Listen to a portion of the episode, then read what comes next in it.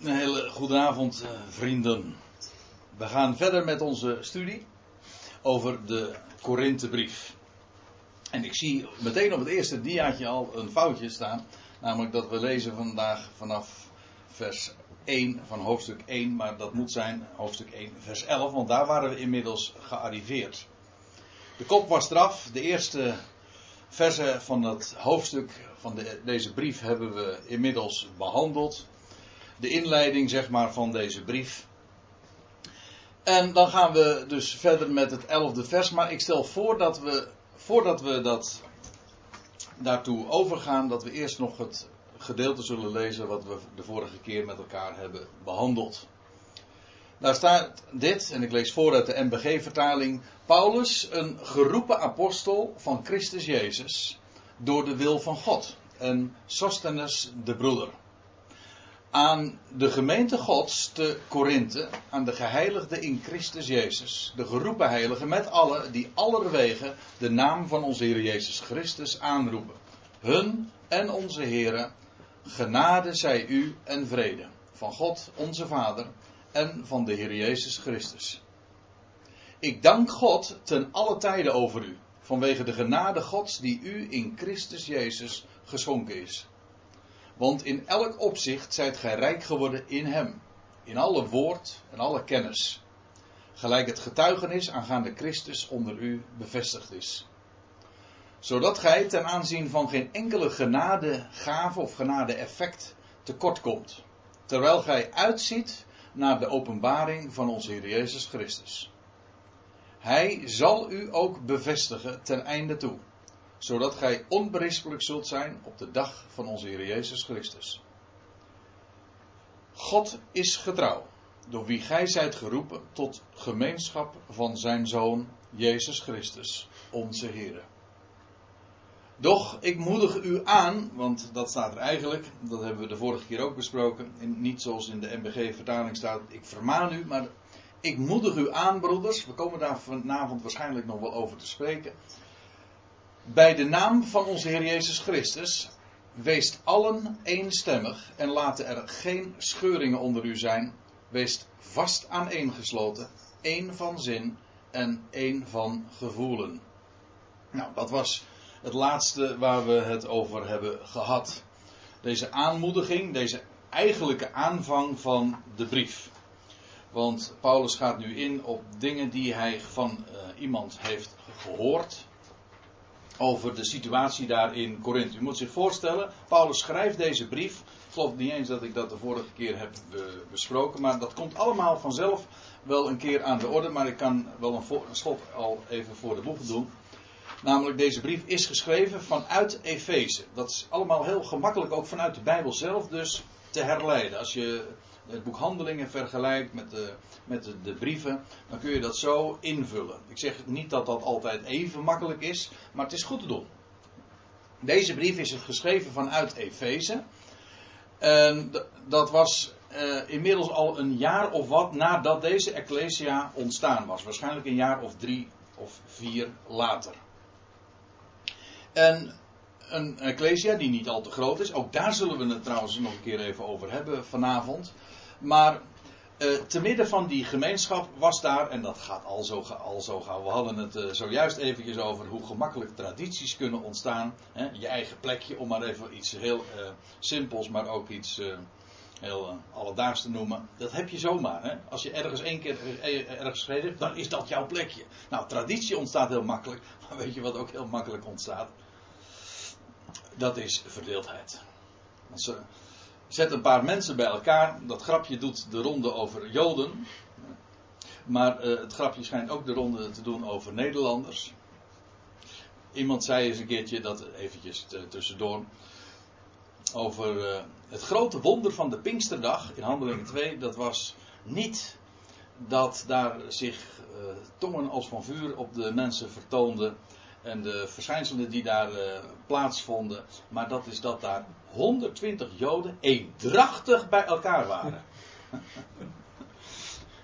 ja. En hoe was het grapje ook alweer over de Nederlanders? Eén Nederlander is een kerk. Een kerk. Nee, nee, twee Nederlanders is een kerk en drie Nederlanders was een kerkscheuring. Nou, in Korinthe. Ja, en dan, eh, en dan, eh, gaan- eh, dan kan het gebeuren dat ze in de loop der tijd weer gaan fuseren. En dan heb je dus drie kerken, want dan heb je ook nog twee mensen die. eh, altijd weer twee stromingen die niet meegaan met de fusie. Ja. Afijn. Eh, ja, ik zit nu een beetje lachwekkend eh, daarover te doen. Maar eigenlijk is het diep triest natuurlijk. zoals dat onder mensen gaat. Zeker als het in dit geval over een ecclesia gaat die zo zich bewust was van de genade van God.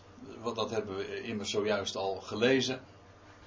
Het ontbrak hen aan niets en ze, ze waren verblijd en eh, in, in de genade Gods. Het ontbrak hen aan geen enkel genade-effect, lazen we.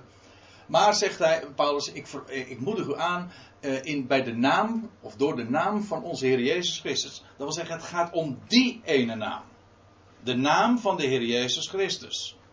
En niet om andere namen. Daar kom ik straks nog wel op terug. Maar eh, dan vervolgens, wees allen eenstemmig. Ik heb het de vorige keer ook al eventjes aangestipt. En dat vind ik een hele mooie aanleiding ook. eh, om daarover te spreken. Dat als we het hebben over, over eenstemmigheid. Eensluidendheid. Daar is een woord voor. En dat is concordant. Nou, Dat is eigenlijk eensluidend ook het woord eh, weergeven. En eh, ik, heb al, ik heb er iets over gezegd. eh, naar aanleiding ook van dit vers. Kijk, wil, willen gelovigen samen ook eensluidend zijn? Ik zeg niet dezelfde visie hebben. Daar gaat het niet om. We, zien, we hebben allemaal verschillende visies. Al was het maar omdat we verschillende oogpunten hebben. Ik zie nu iets anders dan dat u ziet. Nou, dat is logisch, want ik sta hier en u zit daar. We hebben allemaal zo ons eigen oogpunt. En wat ik zie, dat ziet u niet. En wat u ziet, dat zie ik niet. Dus dat, dat heeft ook eh, al, al alleen daar al mee te maken. Maar die eensluidendheid waar hier over gesproken wordt, die eensstemmigheid, dat heeft te maken met dezelfde dingen ook zeggen. En, en Paulus eh, spreekt later in dezezelfde brief ook over dat we niet wijs zouden zijn boven hetgeen geschreven staat. Dat wil zeggen, we spreken gewoon de schrift na. Daarom wil ik ook, en dat doe, doe ik, eh, dat zult u eh, vanaf de echte bespreking gaan zien. En de vorige keer heb ik dat ook al getoond. Dat, we, dat ik het zo geweldig vind om, om u te wijzen op wat er echt staat geschreven. De techniek helpt ons daar vandaag geweldig mee. Hè. We kunnen, ik, ik wijs niet op de vertaling, op de weergave van mensen. Dat zeg, ik- dat zeg ik helemaal niet eh, laatdunkend op zich. Maar het gaat erom, wat, wat heeft Paulus van Gods wegen ooit genoteerd? Nou, om daar zo dicht als mogelijk bij te komen. Zodat we spreken dat wat staat geschreven. En dat we dat naspreken. Kijk, dan zijn we eensluidend. Dat er één woord maar van belang is, namelijk wat hij gezegd heeft. Wat, hij, wat er staat geschreven. En, en wat er dan ontstaat, dat is inderdaad harmonie. Eenstemmigheid. Eensluidendheid. En laten er zo dan ook geen scheuringen onder u zijn. Wees vast aan één gesloten, één van zin, één van gevoelen. Nou, daar hebben we al wat over gesproken. Ik stel voor dat we dan nu beginnen bij het volgende vers. Paulus was namelijk iets ter oren gekomen. Hij schrijft: eh, Mij is namelijk omtrent u, mijn broeders, medegedeeld. Door de huisgenoten van Chloe. Nou, die huisgenoten staat er trouwens niet eens zo. Die van Chloe zijn. Dat kan inderdaad de huisgenoten zijn, maar eh, het zou bij wijze van spreken, ik noem maar wat, het zou ook het bedrijf van Chloe kunnen zijn. Nou, heb ik begrepen dat Chloe, maar dat weet ik nu eens niet eens zo 100% zeker, dat het een vrouwennaam is. In, in het Nederlands in ieder geval wel, hè? Als, als iemand Chloe heet, dat is een, een dames, eh, een meisjesnaam. Ja, ik ken iemand die Chloe heet. Een meisje. Ja, en dat is een meisje. maar ik weet niet of dat in het Grieks ook het eh, geval is. Maar dat doet even niet ter zake. Maar er staat dus die van. eh, door. ehm, Paulus had iets gehoord. eh, was, eh, was duidelijk geworden. eh, door degene die van Chloe zijn. dat er twisten onder u zijn. Strijden. Strijd. En waar bestond die strijd uit? Nou, dat zegt hij dan in vers 12. Ik bedoel dit. Hij zegt, ik zeg dit. Dat elk van u zijn, zijn woord heeft, zijn leuze heeft. En dan zegt de een, ik ben van Paulus. En dat zegt Paulus dus in een afkeurende zin. Paulus zegt, spreekt hier, maar hij vindt het, hij keurt het natuurlijk, uiteraard zou ik gaan zeggen, af. Hoewel, als je even over nadenkt, dan zou het eigenlijk hem moeten strelen. Zeg van, nou, dat er mensen waren van, nou, die, die zeiden, ik ben van Paulus. Maar dat doet hij niet. Hij had, gezegd van, ik, dat was het eerste. Um, ik moedig u aan, dus in de naam van onze Heer Jezus Christus. Dus waarom zou zijn naam dan prominent moeten klinken? En eigenlijk is dat het loutere feit dat men nu een paar jaar nadat die Ecclesia ontstaan was, dat er al zulke strijd bestond, dat geeft aan dat, dat men eigenlijk ook afgeweken was van de boodschap die hij had doorgegeven. Namelijk dat ze één waren, één zijn in de naam van de Heer Jezus Christus. Dat is de eenheid, dat is de basis. Dus hoezo zo'n mensennaam? Dat geldt trouwens voor elke voorganger. Ik bedoel, uh, je zou er toch niet aan. Je zou er niet aan moeten denken dat ze zeggen van. Uh, ik ben van André Piet, om maar wat te noemen. Of ik ben van. Of nee, dat krijg je ook. Ja, op zich. Ik, eh, want ik zei al, niks menselijks vreemd. Het lijkt natuurlijk het vlees te strelen als, als, als, zoals in dit geval, dat ze van Paulus, dat ze daar in Korinthe een groep was die zei: Ik ben van Paulus. Dus Paulus zou, je zou zeggen dat Paulus zou sympathiseren met die groep, maar doet hij niet.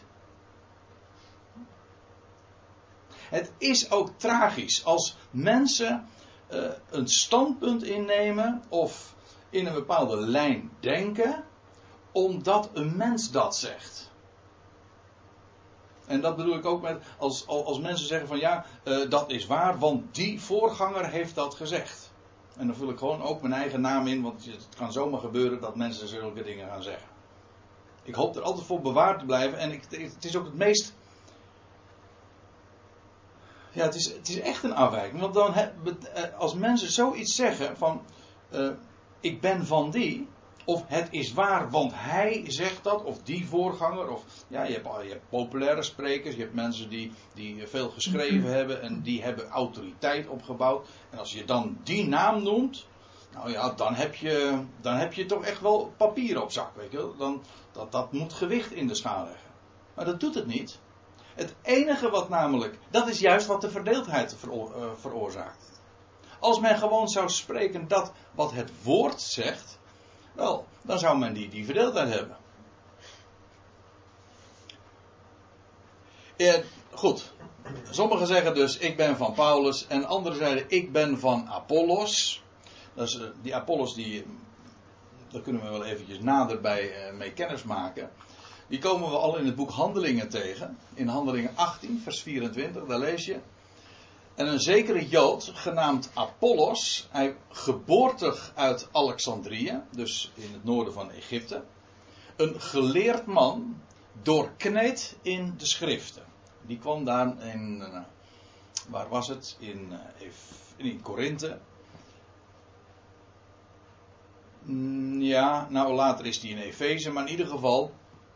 Dan lees je dat, uh, dat deze Apollos uh, zeer goed op de hoogte was, dat staat hier, van, van de schriften, een geleerd man, ook een uh, zeer goed, anderen zeggen trouwens dat niet zozeer een geleerd man, een, een geweldig spreker was hij. Maar hij was, dan lees je van Priscilla en Aquila, waar ook medewerkers van de apostel Paulus, die leggen hem nader de weg des Heren uit. Want Apollos was, van een hij was alleen maar op de hoogte van, van de doop van Johannes en wist een heleboel dingen nog niet.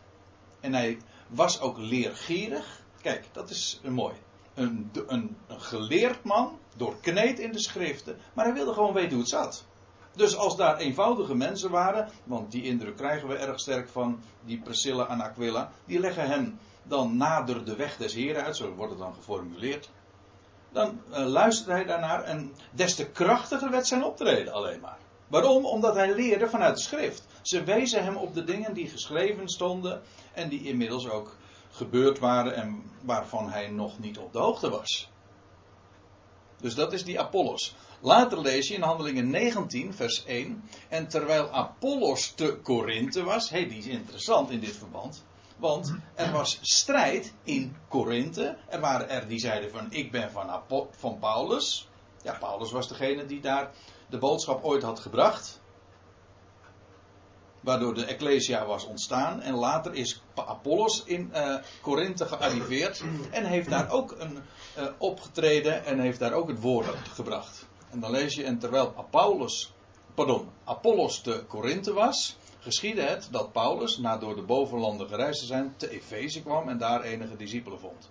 Trouwens, in die tijd, in Handelingen 19, in die periode van Handelingen 19, heeft Paulus de brief geschreven aan de Corinthiërs. Vanuit Efeze, maar dat had ik al eerder gezegd. Ik heb een kaartje nu hier niet van erbij, maar Efeze, dat ligt dus aan de westkust van Turkije, Klein-Azië. Ik zal straks nog eventjes een kaartje van Korinthe laten zien. maar dat is dus uh, de link ook met, dat zie je hier, het is een vrij voorbeeld van de link tussen het boek Handelingen en uh, de brieven. En dat is het ook heel logisch dat als daar uh, Paulus zijn hielen gelicht heeft, en wat niet zo aardig klinkt, maar ik bedoel, Paulus is daar vertrokken en Apollos, die is daar vervolgens, heeft daar gearbeid in Korinthe. En dan is het ja, op zich begrijpelijk dat er verschillende scholen ontstonden. Dat is op zich ook nog geen probleem, maar wel als men dan gaat strijden tegen elkaar. Geen ene leraar is hetzelfde. Het is logisch. Maar speel ze niet tegen elkaar uit. Paulus zegt dat zelf ook in 1 Korinthe 3. Nou zijn we dus even verder inmiddels in de Korinthebrief. Dan zegt hij, wat is dan Apollos? Of, en, maar hij steekt ook zijn handen in eigen, in, in hoe zeg je dat? In eigen boezem, ja. Hij steekt de hand in eigen boezem. Dat geldt niet alleen voor Apollos. Het geldt ook voor mijzelf. Maar wat is Paulus? Ze zijn dienaren. Dienaren van het woord. Zo heet dat ook in. Uh, dat is een mooie aanduiding van een voorganger. Het woord dominee is een vreselijk woord als u het mij vraagt. Dominee komt van het werkwoord domineren, heersen. Dominus, heer. Maar een, iemand die het woord doorgeeft is geen dominee, is geen heer. Dat, is, dat zou een zeer kwalijke zaak zijn. Maar is, een, is het enige recht of het enige uh, autoriteit die hij heeft, is omdat hij het woord dient. Dat wil zeggen, hij is zelf dienstbaar aan dat wat geschreven staat en hij geeft dat door. Dus niet meer een dienaar. Dienaren, door wie jullie geloven, schrijft Paulus. Dat wil zeggen, want uh, wat heb je voor geloof nodig? Nou, daar heb je een mond voor nodig. Iemand, een mond die het woord doorgeeft. En je hebt oren nodig. En bovenal, je hebt God nodig die daarvoor de oren en het hart opent. En dat schrijft Paulus dan. Dienaren, wat zijn, wat zijn die mensen nou? Nou, het zijn slechts dienaren door wie jullie geloven. En wel zo als de Heere dit aan een ieder geeft. Mooi hè? Dat, wat geeft? Nou, dat geloof. Dat is weer een, een fraai voorbeeld, moet je onthouden. Over, over, er zijn vele bewijzen. Wat Paulus schrijft in, in de Efezebrief, dat, dat er alle roem is uitgesloten. En maar dan zegt hij ook dat door genade zijt gij behouden, door geloof. Dat niet uit uzelf, het is een gave of een naderingsgave van God. Opdat niemand roemen staat er. Dus ook geloven is een geschenk. Hier staat het ook. En, en, en wat zijn dan zulke mensen als Apollos en Paulus? Wel, dienaren. Zo schrijft Paulus daarover.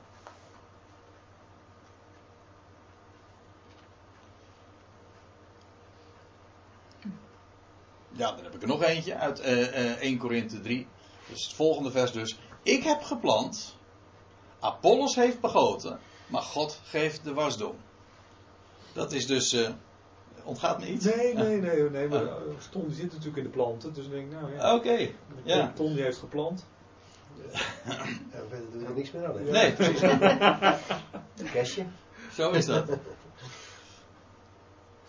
nou, het is wel grappig ook, in, in het licht van waar ik het, eh, wat ik zojuist al even liet zien, dat Paulus daar de, de boodschap doorgegeven waardoor de Ecclesia was ontstaan. Hij had dus met recht geplant. Vervolgens is Paulus weggegaan en, en Apollos is in Korinthe gekomen en heeft daar gearbeid en onderwezen. Dus het is met recht. Paulus heeft geplant in eerste instantie. Vervolgens Apollos heeft begoten. Dat wil zeggen, de plantjes water gegeven, zodat ze verder konden groeien. En, zegt Paulus, dan vervolgens, maar God geeft de wasdom, die laat het groeien. Het enige wat je kunt doen is planten of water geven. Als u, eh, nou ja, die beeldspraak begrijpen we natuurlijk.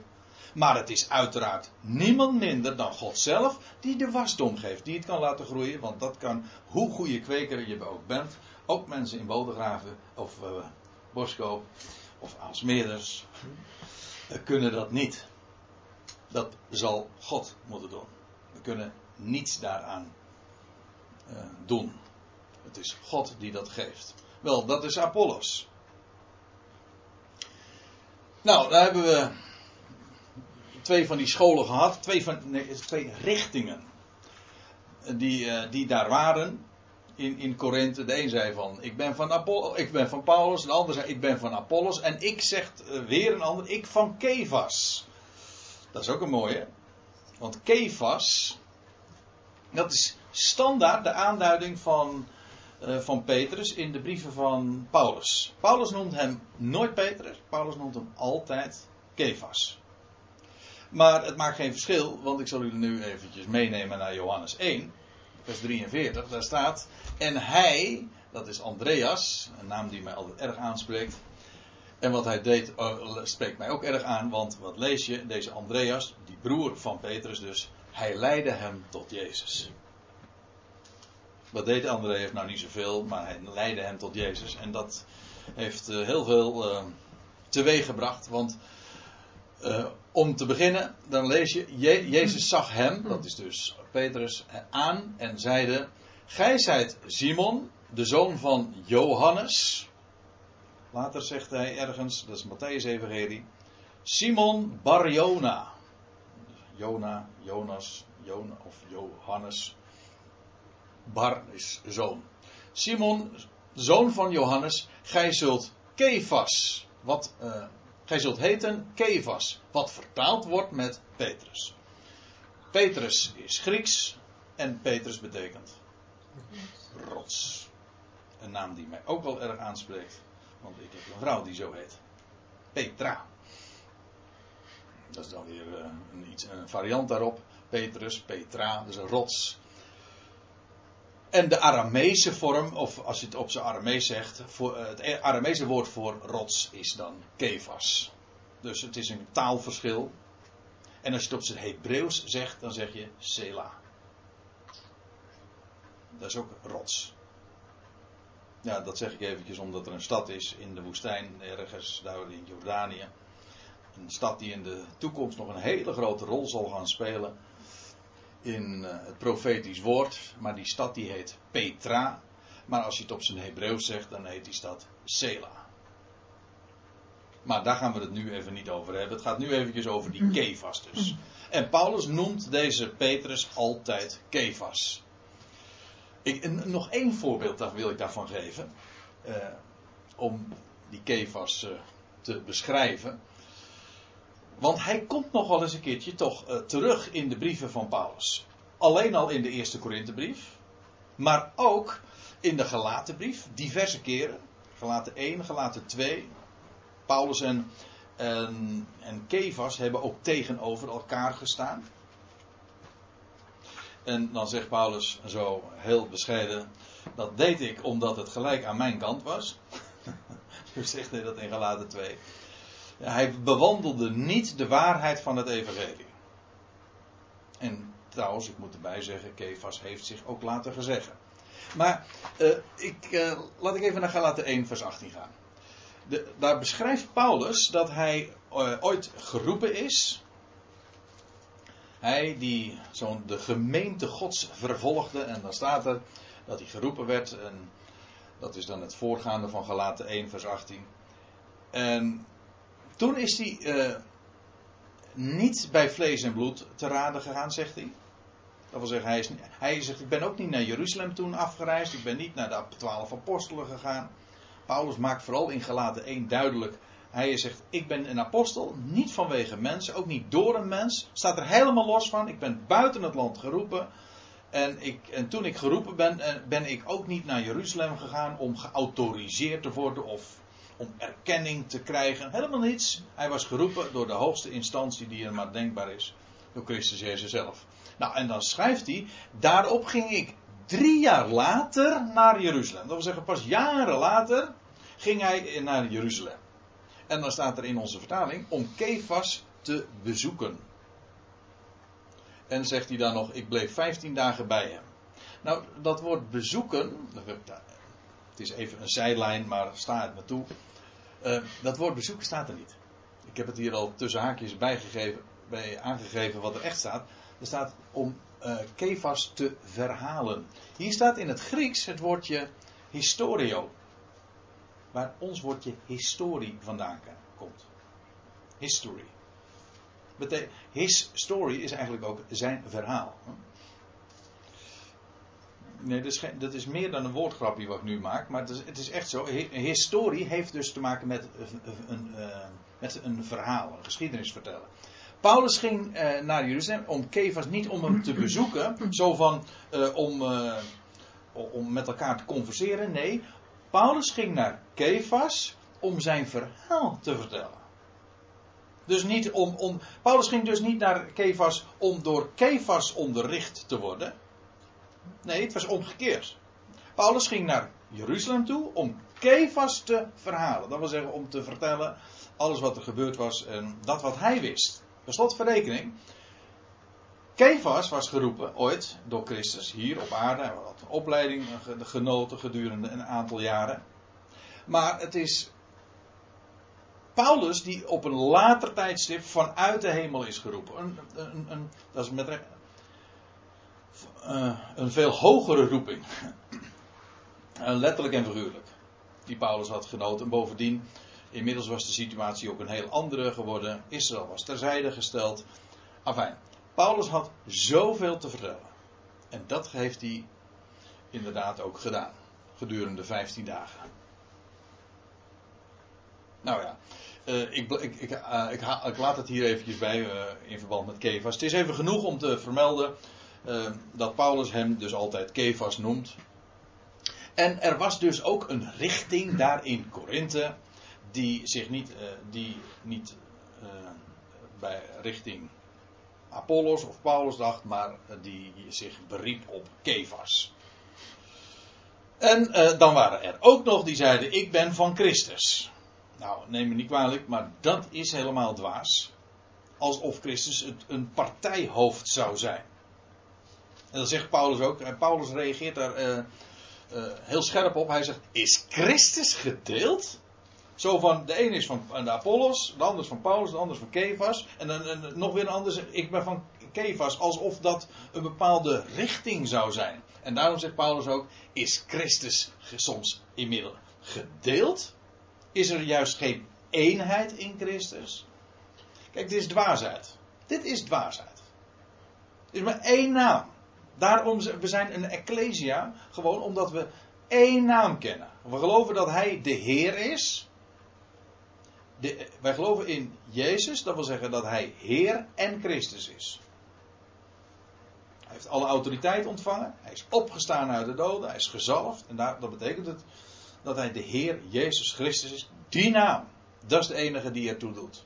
En, die is, en in die naam, in het erkennen van die naam, zijn wij één.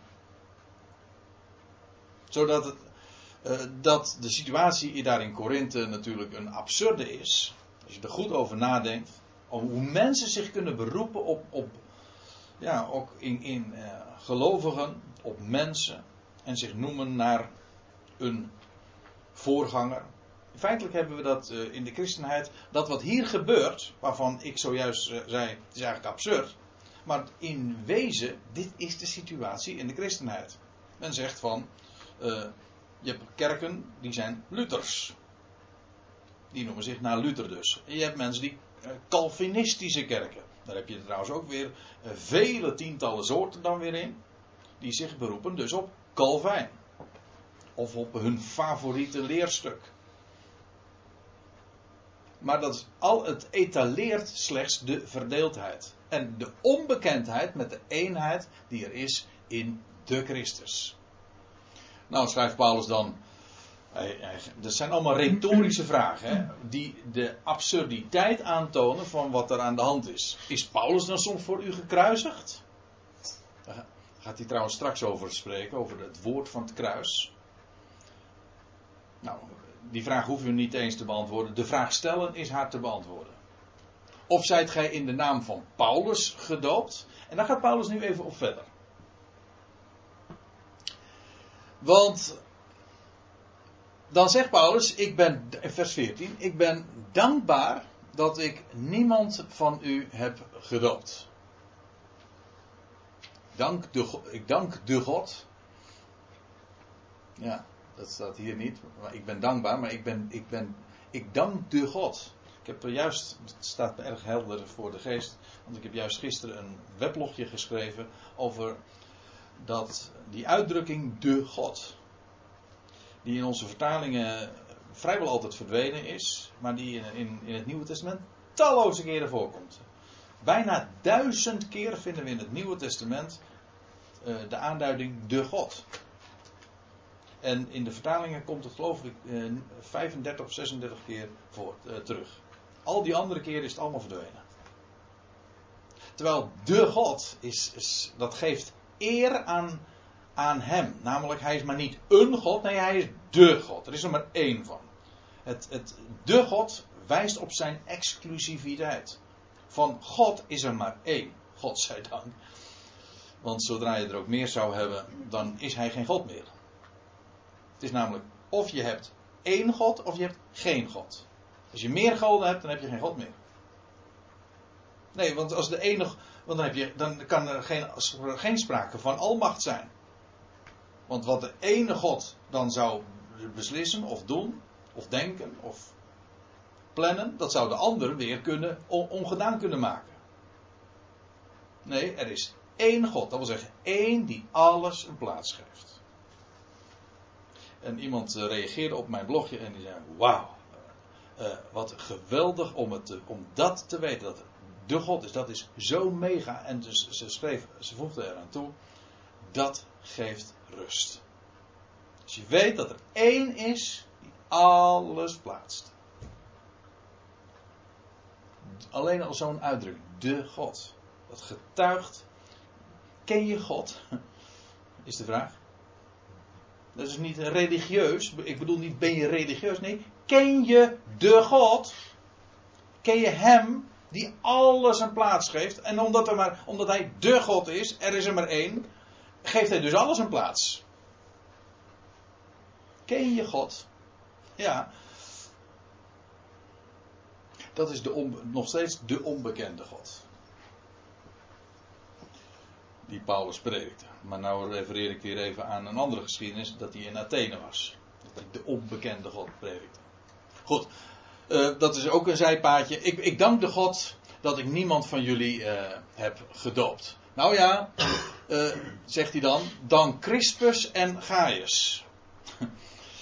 ja. Nou, laten we op allebei eventjes inzoomen, want die Crispus, die kennen we nog van de vorige keer, want ik heb hem al even genoemd. Crispus was namelijk, ik zal u even meenemen naar Handelingen 18, vers 8. Daar lees je. En Crispus, de overste van de synagoge, kwam tot geloof in de Heer. Of letterlijk staat er, geloofde de Heer. Met zijn hele huis. En vele van de Corinthiërs die hem hoorden, geloofden en werden gedoopt. Die waterdoop speelde ook hier een, eh, een kennelijk een, een, grote rol. In ieder geval in verband met die Crispus. Er staat me iets bij, maar ik weet het niet helemaal meer zeker of dat de vorige keer was dat ik dat uh, even heb gememoreerd. Dat de, dat de waterdoop een, een heel bekend Joods gebeuren is. In elke synagoge vind je een doopbad. Een mikva heet dat. En dan, als hier dan staat dat die Crispus, dat was notabene daar in Korinthe de overste van de synagoge. Hij werd gelovig. En eh, als, als Jood kon hij niet anders dan doen dan zich reinigen. Dat wil zeggen ook, ook dat uitbeelden. En hij werd gedoopt. En uh, nou, vele van de Corinthiërs die, die, zijn hem nagevolgd. Maar deze Christus is dus gedoopt door Paulus zelf. En Paulus excuseert zich min of meer daarvoor. En sterker, nou in ieder geval zegt hij: Ik ben dankbaar dat ik niemand van jullie gedoopt heb dan Crispus en Gaius.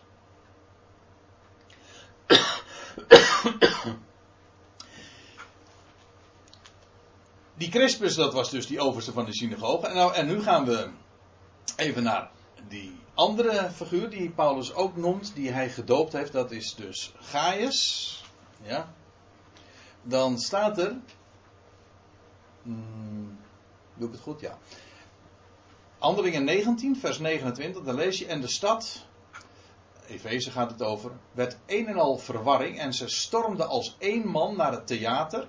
Het was allemaal commotie die ontstaan was door de boodschap die Paulus daar had gebracht. Dat uh, was uh, eigenlijk schering en inslag zoals dat ging in, uh, in het boek Handelingen. In, ja. En dan lees je, en ze sleurden Gaius, daar heb je hem, en Aristarchus, Macedonische reisgenoten van Paulus mede. Wat weten we daarmee dus van die Gaius? Het was een Macedoniër. Macedonië, dat ligt in het noorden van Griekenland.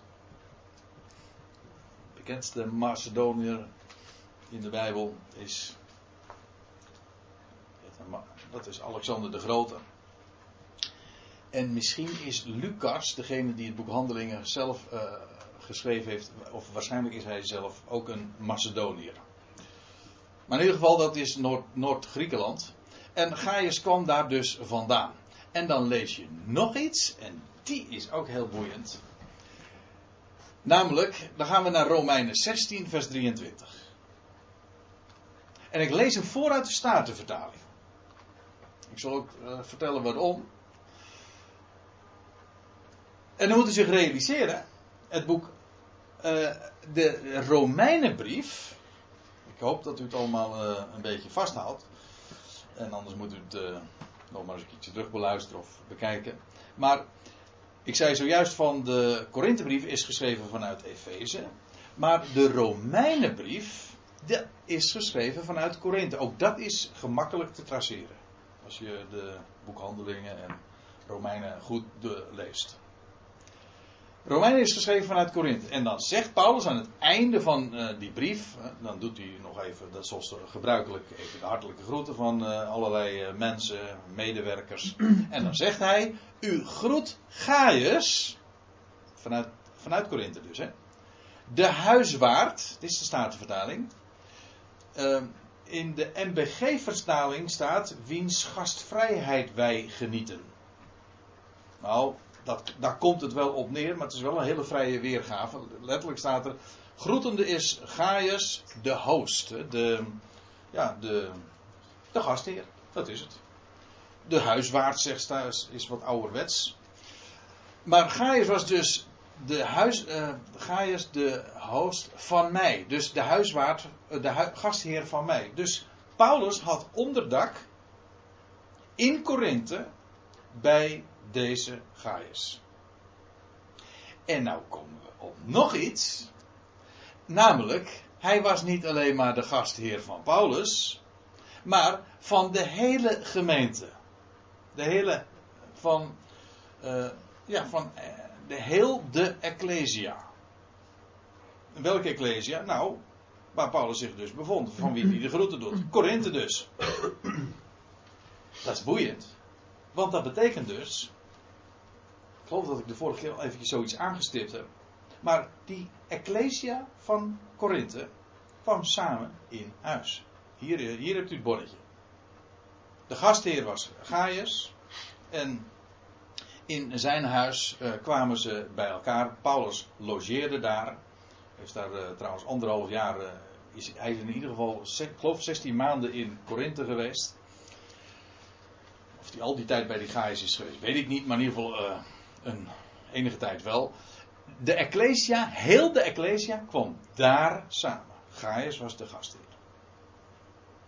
Dus uh, dat. Uh, nou, ik heb hem op plek hoor. Voel, je, voel je met hem mee, Arie? Ja hoor. Jij bent zeg maar ook Gaius, hè? ja, dat is wel leuk in het Nederlands, want Gaius in het Nederlands is natuurlijk uh, gespuis.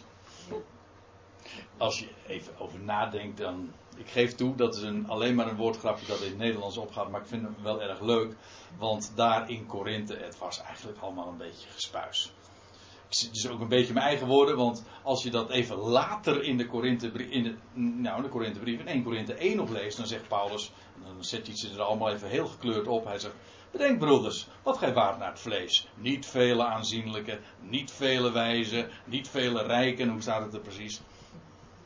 Met andere woorden, in tegendeel, wat, wat in de ogen van de wereld dwaas is, en onaanzienlijk en zwak, dat heeft God uitverkoren aangenaam kennis te maken.